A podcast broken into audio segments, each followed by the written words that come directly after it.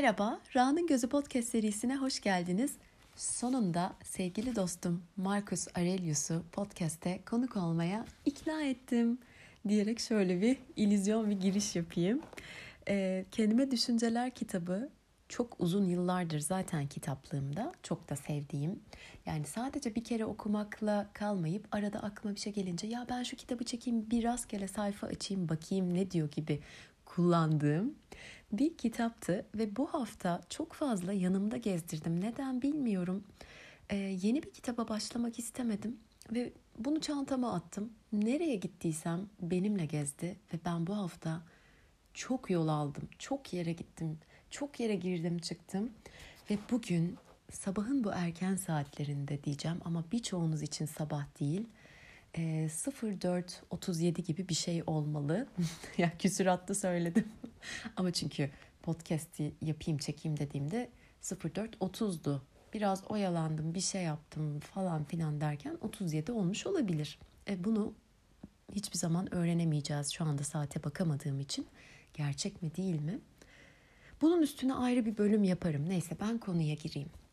Şimdi biraz zor oldu. Aslında incecik bir kitap ama e, o kadar çok yer üstünde böyle bir şeyler yazmışım, çizmişim, altını çizip oklar çıkarmışım ki hangilerini paylaşacağım diye bir haftadır şöyle bir her e, kendi kendime kalışımda elime alıp bakıyorum. Nihayet böyle az ve öz bir şekilde paylaşmaya karar verdim.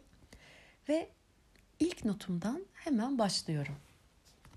Dünya işlerinden uzaklaşmak üzere olanlar kırlarda, deniz kıyılarında, dağlarda çekilinebilecek köşeler arar. Ve sen kendin de bu çekilmişlik köşelerini ateşlice arama alışkanlığına edinmişsin. Ama bu en ilkel düşünce biçimidir. Çünkü sen dilediğin vakit kendi içine çekilebilirsin. Öyleyse sürekli olarak kendine bu çekilmişlik olanağını tanı ve kendini yenile demiş. Yani aslında bu hani inzivaya çekilmek, bir kendine zaman ayırmak bazen zihnimizde çok büyük bir şeymiş gibi görünüyor. Yani benim kendimle kalabilmem için, kendime zaman ayırabilmem için, biraz bir şeylerden uzaklaşmak için büyük bir hazırlık yapıp, büyük bir organizasyon yapıp, çok uzun yollar alıp böyle kimsenin olmadığı, dünyanın unuttuğu bir köşeye gitmem gerekiyor.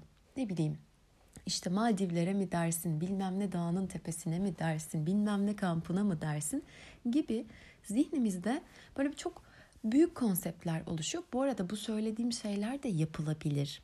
Bazen yapanlara çok iyi gelebilir, düzenli olarak yapılabilir, bir kere yapılır, üç kere yapılır. Bunlara karşı değilim ben de. Ama e, bunu ne kadar büyütürsek o kadar ulaşılmaz oluyor, o kadar zor oluyor. Halbuki burada kendisinin söylediği gibi kendine gün içinde çok daha az bir şekilde ne bileyim 3-5 dakikada olur, 15 dakikada olur. Aslında çok kalabalık bir ortamda, çok gürültülü bir ortamda bile bunu yapabilirsin. Ya bunu unutmamak insana iyi gelir bence. Sanıyı kaldır. Bana haksızlık edildiği kaldırmış olacaksın. Bana haksızlık edildiği kaldır. Haksızlık kalkmış olacak. Burada da bence çok güzel ve yardımcı olacak basit bir bakış var. Bunu okuyunca öyle anlıyorum ben. Biraz basit bak. Çok yapışma. Çok yapışırsan içine girersin ve onun senin üstündeki etkisinden kurtulma şansın kalmaz gibi anlıyorum. Birazcık da şey var. Bu arada burada söylenen şey çok doğru da olabilir. Sen bir şey yaşıyorsun. Sana bir haksızlık edilmiş olabilir. Bu sadece bizim illüzyonumuz, algımız değil. Gerçekten bazen bir haksızlığa uğrayabiliriz. Ben mesela uğradım. Yani yakın zamanda benim suçum olmamasına rağmen ben bir toplantıdan atıldım ya. Yani evet bunun için de mi ayrı bir bölüm yapmam lazım acaba?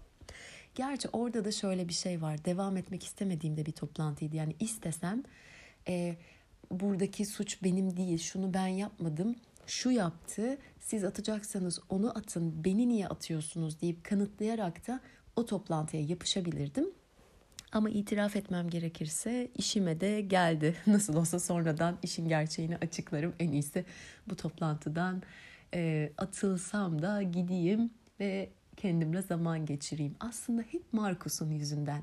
Bu bana az önce söylediğim cümleleri yerleştirmiş olmasaydı belki kalabilirdim o toplantıda.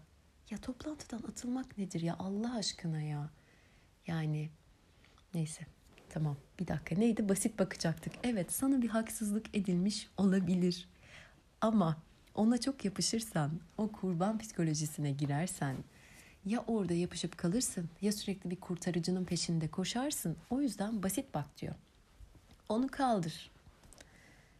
Ne kadar yapışmazsan ve dışında durursan zaten onun gerçekliği de gidiyor. Bak ben şu an yapışıyor muyum? Yani toplantı toplantı diyor muyum? Atıldım diyor muyum? Yapışmıyorum çünkü ne kadar harika bir davranış. Meydana gelen her şeyin türel bir biçimde meydana geldiğini anımsa. Titizlikle gözlemlediğinde anlayacaksın bunu. Sıraya göredir demiyorum. Sadece bu meydana geliş ama türeye göre de ve birisi tarafından herkese değerine göre dağıtılmışçasına.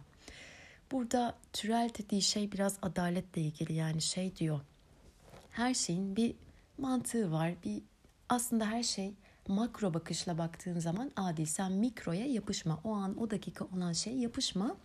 Daha genel, daha uzaktan, daha makro baktığın zaman aslında her şeyin bir yeri ve zamanı var ve her şey çok mükemmel bir şekilde ilerliyor. Buradaki şey detayı beni e, benim dikkatimi çekti. Sıraya göredir demiyorum diyor. Yani senin zihninde sana uygun olan, o an sana hizmet edeceğini düşündüğün bir sırada olmuyor. Bazen alt üst olmuş da olabilirsin. Ama totalde baktığın zaman, makrodan baktığın zaman aslında her şey yerli yerinde. Birazcık o düzene güvenmek, o akışa güvenmek.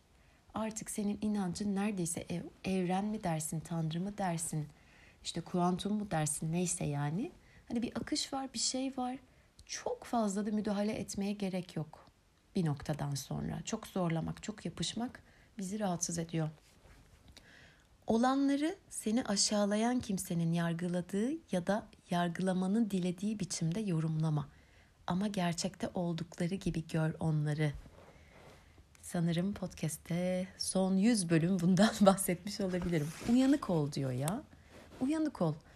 Duygular okey ama yani bir şeyi olanı olduğu gibi gör. Sonra onunla ne yapacağına bakarsın. Nedenli çok zaman kazanır komşusunun söylediğine, yaptığına, düşündüğüne değil ama eyleminin doğru, kutlu ve saltık biçimde iyi olması için kendi yaptığına dikkat eden kişi. Kararmış ruhlara güven besleme, kendini dağıtmaksızın doğruca yürü ereğinin yolunda. Karanlık ruhlar derken Voldemort'a da buradan bir selam gönderelim. Ama ben onun da çok karanlık olduğuna inanmıyorum. Yani hiçbir şey yüzde yüz karanlık olamaz. Şöyle, hiçbirimiz yüzde yüz karanlık olmuyoruz ama bazen yüzde yüz karanlıkta durabiliyoruz. Bak çok güzel gördüm. Kendime de hakkımı teslim edeyim burada.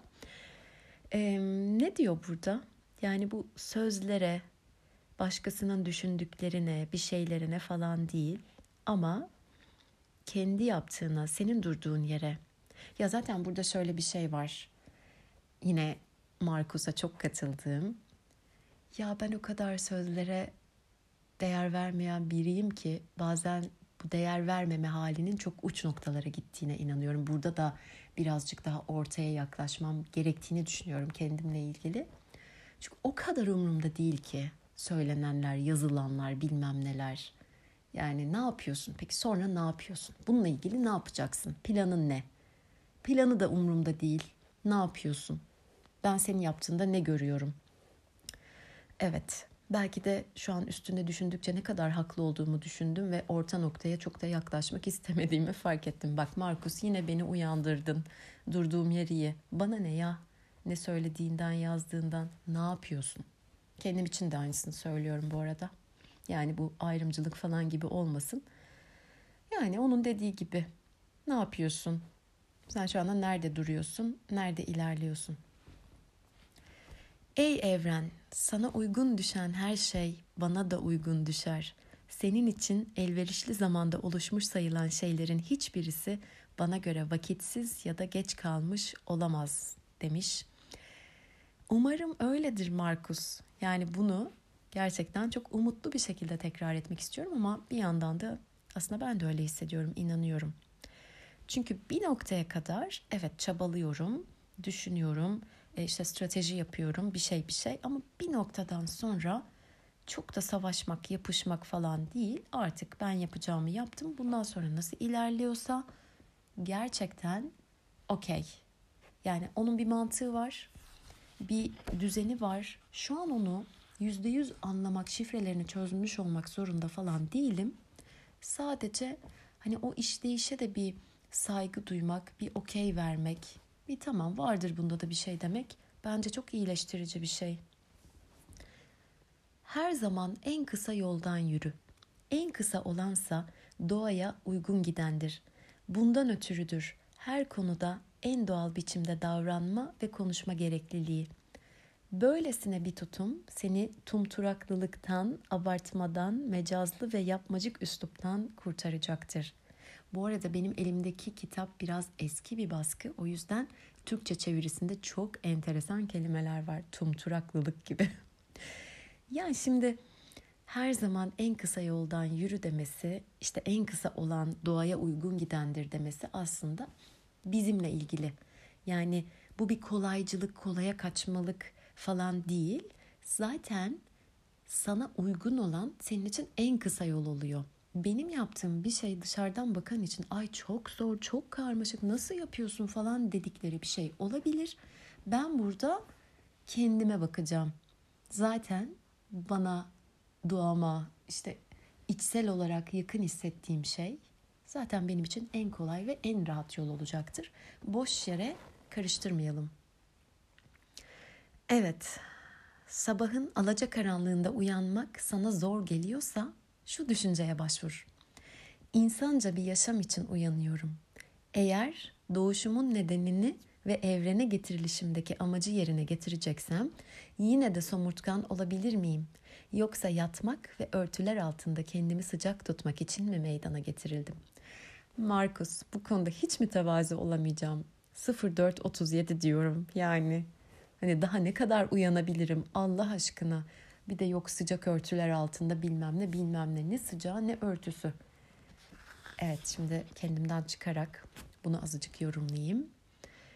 Ee, bu sadece tabii ki saatli ya da sabahlı bir şey değil. Diyor ki biraz şeye de dokunabilir şu procrastination'a. Yani uyuma, erteleme, ne yapacaksan yap.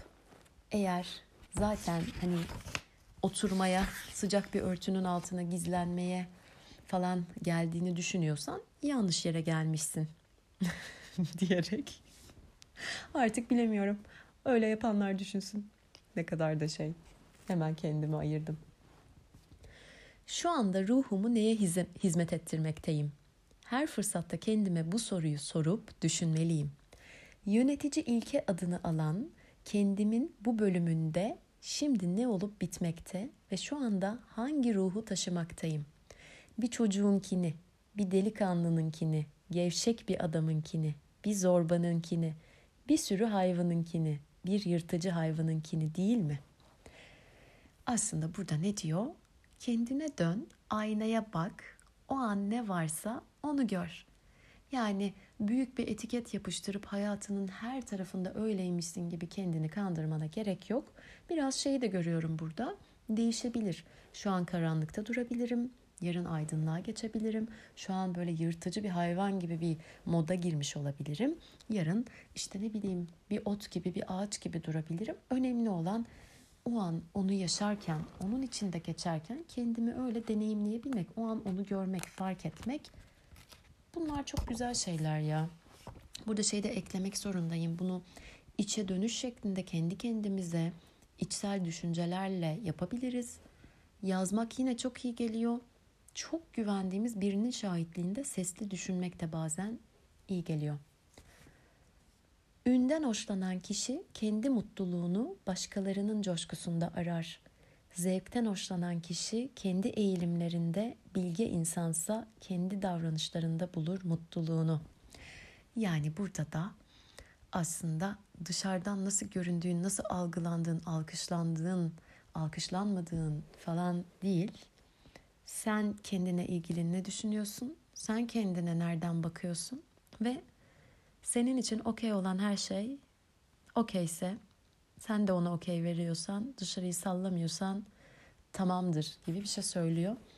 Markus ya acaba bu aralar burada olsaydın sosyal medyalar bilmem neler falan neler söylerdin bize? Çok da farklı bir şey söylemezdi herhalde. Evet benim için önemli bir bölüm şu an. Yardım görmekten utanç duyma. Bir sura saldıran asker örneğince sana düşen görevi yerine getirmekle yükümlüsün. Yani sonrasında da şey diye devam ediyor. Şunu şunu tek başına e, yapmak falan filan. Yani e, başkalarından yardım alma konusu önemli. Özellikle e, yani ben mesela kendimden örnek vereceğim. Bu benim sonradan pratik ettiğim, daha doğrusu sonradan zihnimde normalleştirdiğim hatta iyi bir yere koyduğum bir konu. Ee, çok küçük yaşlardan itibaren yani dışarıdan hiç kimseyi de bu konuda suçlayamam. Formatım öyle, öyle gelmişim. Böyle kendi kendime bir şey yapayım. Ne kadarını kendim yaparsam o kadar iyi falan. Yani bir şeyin ne kadar yüzde yüzünü ben hepsini yaptım dersem benim için o kadar iyi olur gibi bir formatla gelmişim ben bu dünyaya. Bunu sonradan birazcık müdahalelerle, farkındalıkla, törpüleyerek, işte başka şeyler ekleyerek ilerledim ve şu an onun rahatlığını yaşıyorum. Çünkü burada beni sıkıştıran şöyle bir şey vardı. Yardım almak benim için çok yani sonuna kadar gideyim yardım almama şeyinde gibi bakıyordum. Ama yardım etmek konusunda bir o kadar rahattım. Orada da bir dengeyi bozuyorsun. Yani birine yardım ederken sonuna kadar kapın açık ama o kişi sana yardım etmek istediğinde ona kapıları kapatıyorsun. Çok da büyük bir haksızlık. Neyse ki bu konuda güzel aynalamalar, yansıtmalar, geri bildirimler de sayesinde ben yol aldığımı düşünüyorum. Şu anda da yani hani önce kendim bir konuda yol alayım, önce kendim üstünde çalışayım, gerekli noktalarında yardım alayım noktasındayım ve bununla okeyim. Ama mesela seneye her şeyi başkasına yaptırırmışım. Mesela o kadar yol aldım ki artık hiçbir şey kendim yapmıyorum. Hep başkalarına. Dönüşümden ötürü kaygı mı duyuluyor? Hemen cevap vereyim. Çoğu zaman duyuluyor yani. Herkes değişmek istiyor ama kimse yerini değiştirmek istemiyor. Ama dönüşümsüz oluşabilecek ne olabilir? Cevap vereyim. Hiçbir şey.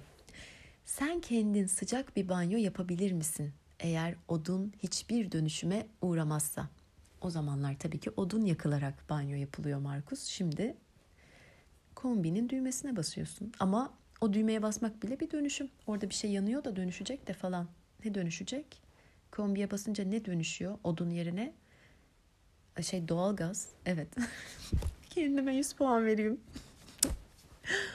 Aa, öbür yararlı şeylerden hangisi dönüşümsüz meydana gelebilir?